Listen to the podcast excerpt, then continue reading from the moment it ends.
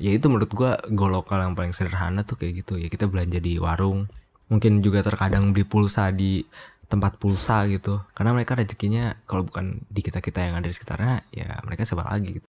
Berarti mitos uh, mall akan hilang tuh uh, enggak gitu juga. Lagian bisa lu lihat juga gitu kayak misalnya kalau di luar negeri tuh Amazonnya baru bikin uh, kayak semacam uh, offline store mereka. Karena there is something that differentiate between online shopping and uh, offline shopping, let's say. Yap, ini adalah podcast pecah episode 39. Gue opening.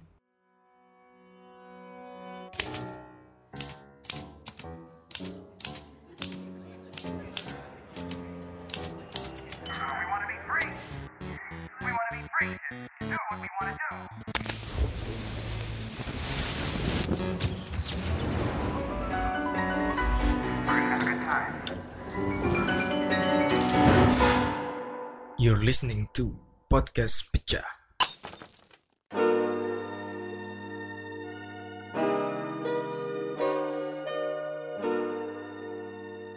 Yuk baik lagi di podcast pecah podcastnya Manca. Selamat datang di episode ke-39 Yo man Dan buat yang belum tahu, mungkin ada pendengar baru di sini. Ya. Perkenalkan nama saya Manca. Gitu. Uh, Manca adalah host dari podcast Pecah. Apa itu podcast Pecah?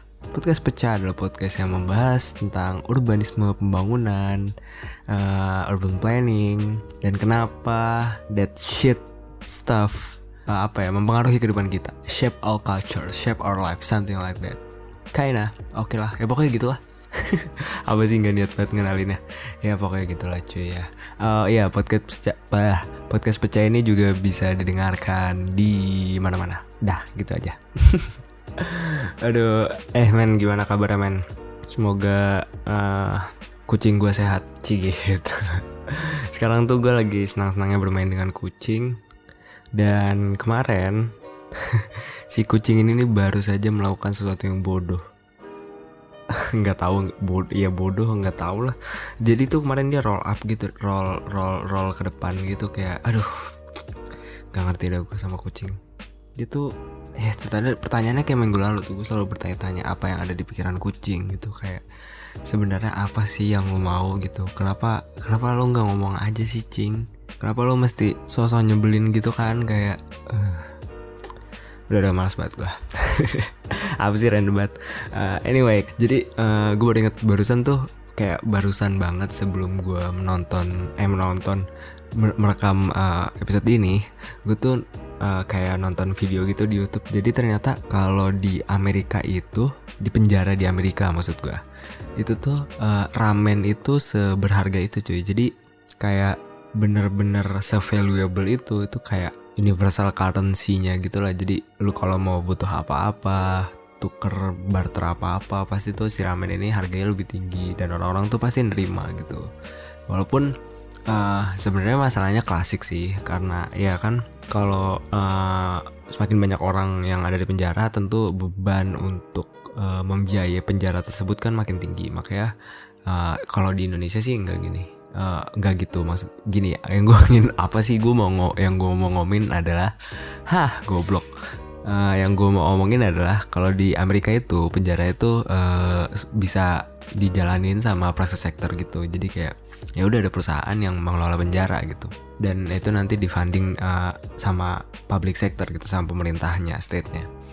Nah kalau di Indonesia kan nggak gitu tapi basically uh, masalahnya sama. Ketika orang makin banyak maka semakin mahal uh, biaya untuk operasionalnya. Salah satunya makanan. Nah makanya makanan uh, di penjara di Amerika sana itu tuh diturunin gitu harganya. Bukan diturunin harganya kualitasnya diturunin. Ya apa ya mungkin uh, porsinya didikitin atau kualitas mak bahannya dimurahin apalah segala macam pokoknya inti intinya gitu. Ya yang membuat uh, apa tahanan-tahanan tuh nggak satisfy kan gitu. Maksudnya ya jauh banget gitu dari dalam tanda kutip mungkin manusiawi ya. Uh, makanya mereka craving for ramen gitu kayak uh, ya wajar aja gitu. Jadi masalahnya basic gitu uh, kurang makan maka uh, solusinya pun basic gitu. Jadi ya ramen itu. Nah yang jadi menarik buat gue adalah gue kebayang kalau misalnya orang mereka tuh uh, gila akan Indomie gitu. Pasti sumpah sumpah gue yakin sih Indomie tuh makanan mie paling uh, nikmat sejagat raya sampai Venus kali sampai Uranus lah nggak tahu lah pokoknya. Gue yakin men kalau misalnya penjara bukan penjara apa sih namanya tahanan-tahanan di Amerika tuh paham akan Indomie men wah gila. Chaos tuh pasti. Apa jangan-jangan itu juga yang terjadi. Di Indonesia tuh kayak gitu nggak ya? Kayak aduh gue gue nggak punya temen yang udah pernah di penjara sih. Punya sih tapi dia di penjaranya nggak nggak lama gitu aja uh, pokoknya gitulah pokoknya nggak gue penasarannya gitu apakah di Indonesia pun ada ada hmm, apa ya fenomena yang sama gitu? Kalau mungkin barangnya udah beda nggak tahu gitu karena mungkin permasalahannya beda. Tapi yang jelas menurut gue menarik sih jadi ya kalau di Amerika itu sampai bisa buat apa ya buat ditukar sama drugs gitu tergantung lu punya berapa banyak uh, si ramen ya gitu. Apakah di Indonesia kayak gitu juga? Atau sampai mana? Atau barangnya apa? Ya ya. Menarik aja sih buat gua. Nggak tahu sih. Nggak ada. Kenapa ya jarang banget publikasi-publikasi kayak gitu? Itu tuh di Amerika tuh sampai ada ininya cuy. Sampai ada apa namanya uh, researchnya. Jadi uh, rata-rata uh, berapa ramen harganya bisa buat uh, bukan beberapa ramen maksudnya uh, beberapa ramen tuh harganya setara sama apa gitu. Karena kan mereka kan kalau tahanan nggak boleh bawa uang jadi biasanya mereka barter. Nah ya udah dihitung harga perkiraannya berapa gitu. Uh, ya di Amerika tuh sampai ada publikasinya gitu uh, papernya gitu. Dan anjing itu tuh keren banget sih maksud gue salut gue salut. Anyway udah itu tentang ramen tadi. Gue membayangkan karena gue juga lagi lapar indomie. Sebenarnya tuh gue tuh uh, tadi lagi lapar indomie gitu. Terus kayak nggak tahu kenapa malah bukan makan atau masak malah nonton YouTube. Malah ketemu video kayak gitu wan nah nggak lah nggak tau lah. Oke lanjut. Uh, jadi ya sebenarnya yang mau gue omongin adalah uh, beberapa hari lalu ya tanggal 11 bulan 11 ada yang namanya Harbolnas. Yoi, gue mau ngomongin Harbolnas nih. Nah, di sini kemarin ada yang merayakan Harbolnas, maksudnya beli sesuatu apa segala macam. Karena kalau gue pribadi enggak lagi miskin as fuck soalnya.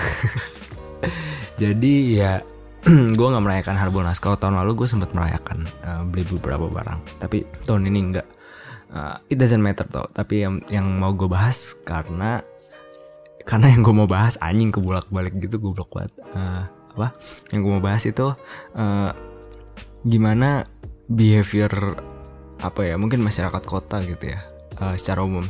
Uh, banyak yang menggunakan uh, online shopping gitu. Kan uh, ada ada apa ya ada kalau nggak salah pemberitaannya apa enggak ya kayak ada di dulu-dulu tuh. Kayak intinya kayak mall tuh makin sepi bla bla bla bla bla makin uh, kalah nih sama online shop bla bla bla bla karena lebih murah terus lebih gampang. Uh, nyampe nya langsung depan rumah. Terus uh, di satu e-commerce tuh uh, ongkir gratis kalau beli seratus ribu apalah segala macam bla bla bla sebenarnya uh, mall atau department store yang dulunya menjadi go to place kita mungkin kita semua gitu uh, untuk membeli sesuatu gitu. Hilang atau enggak tuh sebenarnya uh, enggak gitu juga. Karena uh, mungkin berkurang iya. Tapi kalau misalnya kalau misalnya hilang tuh kayak nggak bakal sih. Karena there is something that differentiate between online shopping and uh, offline shopping let's say. Uh, yaitu ya experience-nya gitu kan. Karena ya lo online shopping ya experience-nya ya cuman tap tap tap tap tap tap tap tap bla bla bla bla dan gitu apalagi lo mungkin uh, udah punya apa uh, e-banking atau SMS banking gitu jadi kayak nggak perlu ke mana-mana. That's the easy way memang betul nggak nggak perlu rempong. Tapi uh, kadang ada sesuatu yang experience-nya tuh ya harus harus uh, offline gitu. Kayak kayak menurut gua uh, mungkin uh, apa ya uh, mungkin apa sih perhiasan gitu. Kayak perhiasan kalau beli online tuh nggak nggak asik deh walaupun gue nggak pernah beli perhiasan apalagi uh, laptop mungkin laptop tuh laptop gue uh, walaupun gue pernah beli laptop online shit man. Uh, tapi menurut gue beli laptop akan selalu nikmat kalau offline uh, TV uh, furniture uh, walaupun sekarang ada apa sih namanya uh, AR augmented reality uh, yang bisa bikin kita tahu kira-kira nih uh, nih furniture nih muat apa enggak di rumah kita di ruangan yang akan kita taruh gitu maksudnya. Uh, tapi menurut gue kalau uh, iya itu kayak misalnya barang-barang kayak gitu tuh lebih nikmat gitu. Experience-nya tuh maksimal gitu. Kalau misalnya kita beli offline makanya uh, itu tadi uh, apa mungkin akan ada memang ada akan ada beberapa part dari mall bukan mallnya secara keseluruhan keseluruhan uh, yang akan musnah gitu dalam tanda kutip tapi hanya ada beberapa part yang memang mungkin uh, sangat mudah gitu buat digantikan sama keberadaan uh, online shopping gitu. Nah, selain itu berarti uh, mitos ya so far uh, yang sebacanya gue berarti mitos uh, mall akan hilang tuh uh, enggak gitu juga. Uh, lagian bisa lu lihat juga gitu kayak misalnya kalau di luar negeri tuh uh, Amazonnya baru bikin uh, kayak semacam uh, offline store mereka tetap uh, menggunakan teknologinya mereka maksudnya kayak bayar cuma pakai barcode bla bla bla tapi yang jelas mereka membuat uh, offline store gitu. Dan uh, Apple Apple tetap uh, buka ini kok dia tetap buka apa sih namanya? Uh, apa tuh namanya? Uh, tokonya gitu maksudnya toko offline-nya gitu. Uh, ya karena uh, maksudnya dari dari dua contoh itu aja bisa dilihat bahwa memang ya itu nggak cuman terkait presence of brand menurut gue tapi karena terkait juga uh, apa ya ya itu tadi experience tadi dan memang akan bisa apa ya memberikan hal yang nggak pernah bisa diberikan oleh online shopping gitu. Jadi uh, menurut gue dalam konteks ini nggak nggak nggak begitu disruptif as long as memang ada inovasi di kedua sisi gitu ya. Kayak online shop mungkin uh, inovasi di bidang apa mungkin lebih cepat lebih reliable dan lain sebagainya.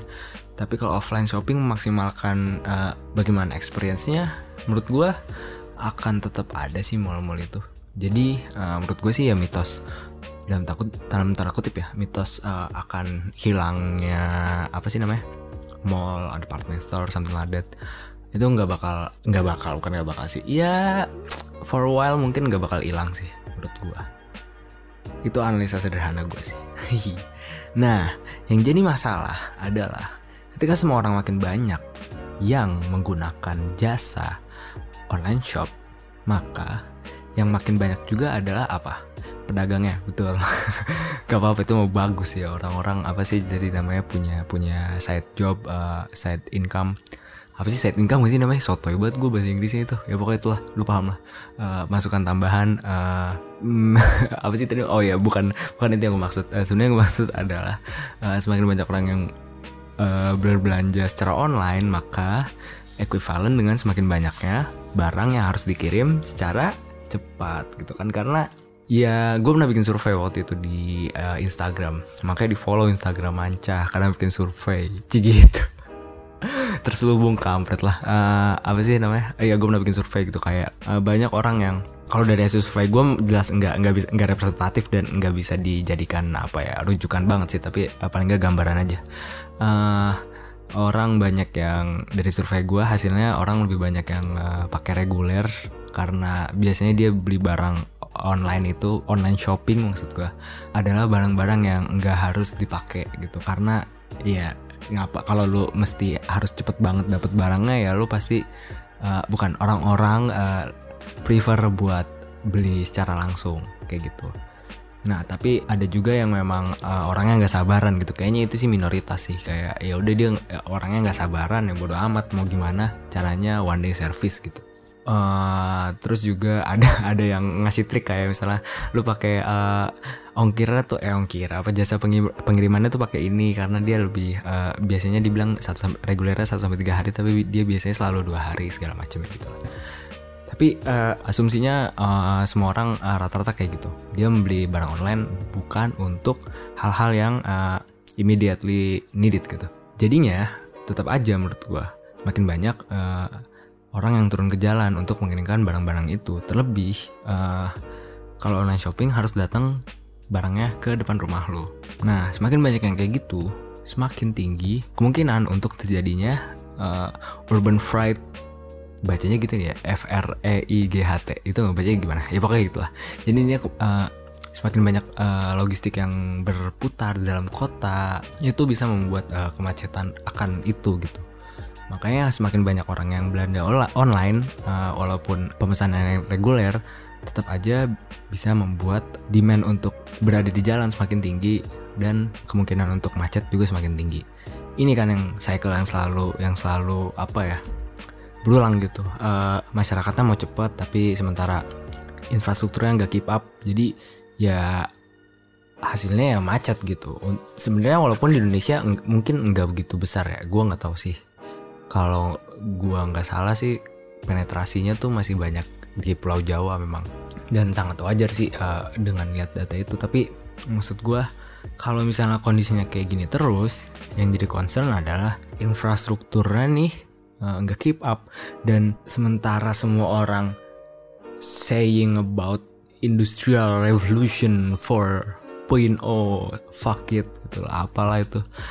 Ya, maksud gue ya itu tadi kalau basic infrastruktur nggak ada ya ya ya persetan dengan yang namanya industrial revolution 4.0 gitu. Bayangin di Indonesia untung belum ada kayak apa Amazon Prime gitu kan. Kalau misalnya udah ada kayak gituan men gila makin banyak orang yang bisa beli barang-barang online gitu kan. Terus semua orang eh udahlah online lebih murah bla bla bla bla bla bla ada nggak membuat eksus eksus segala macem. Dan akhirnya apa ya? Tadi gitu. Dan sementara apa? Semua orang benci kemacetan. Siapa yang gak benci kemacetan? Ya kan? Makanya gue khawatir gitu. Ya kalau kayak gini terus keadaannya tapi uh, infrastruktur yang gak maju-maju ya udah. Uh, itu concernnya jadi meanwhile kita semua menikmati apa yang menjadi kemajuan ini tapi uh, di satu sisi di tempat kita di daerah kita di kota kita di negara kita maksud gue uh, itu belum begitu siap menghadapi itu. Ya ini belum terjadi alhamdulillahnya gitu karena kemacetan kita kemacetan kita dalam konteks ini maksud gue kemacetan kemacetan yang terjadi di Indonesia tuh ya karena ini karena karena ya memang jalannya belum cukup uh, terus uh, sistem transportasinya belum baik segala macam hanya ya nggak tahu gue kepikiran aja gitu ya udah gitu aja lah anjing bacot banget gue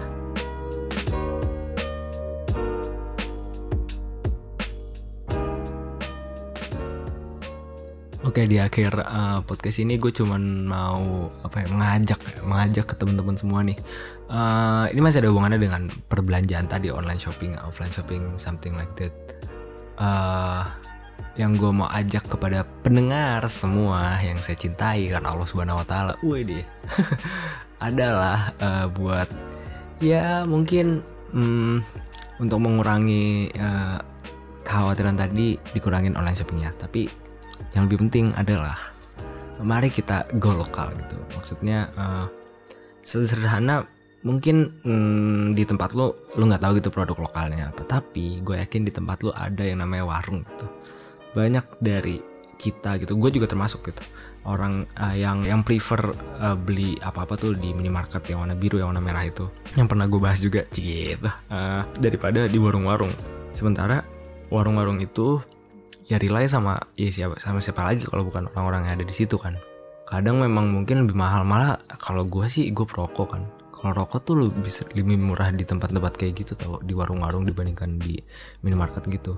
Makanya gue lebih senang beli rokok di apa sih namanya di uh, warung. Itu maksud gue uh, mungkin nggak uh, bakal selengkap di minimarket jelas gitu obviously. Tapi menurut gue apa salahnya kadang-kadang kita beli gitu. Uh, ya itu menurut gue go lokal yang paling sederhana tuh kayak gitu. Ya kita belanja di warung mungkin juga terkadang beli pulsa di tempat pulsa gitu. Uh, maksudnya di yang pinggir jalan itulah yang yang kayak gitu, gitu yang kecil-kecil. Karena mereka rezekinya kalau bukan di kita kita yang ada di sekitarnya ya mereka siapa lagi gitu. Mungkin memang ya again dengan segala macam teknologi ini semuanya karena lebih murah lebih mudah gitu maksudnya. Uh, pakai inilah pakai itulah ATM banking lah segala macam bla bla bla bla bla. Itu akan lebih mudah. Tapi ya again akan selalu ada orang-orang yang rely sama orang-orang di sekitarnya kayak warung tempat pulsa terus juga apa sih namanya uh, yang jual bensin mungkin uh, ah, bensin bensin eceran dia jelas lebih mahal daripada di SPBU tapi again siapa lagi kalau bukan kita yang beli? Itu siapa? Ya kita kita semua ya gak? ya jadi gue mau encourage kalian itu aja. Go lokal dari hal yang paling sederhana. Kayaknya itu aja dari podcast kali ini. Uh, terima kasih buat teman-teman yang udah mendengarkan. Uh, sorry banyak bacot. Maaf banget. Uh, jadi uh, terima kasih Sampai ketemu minggu depan. Terakhir, seru nggak seru, percayain aja. Deh.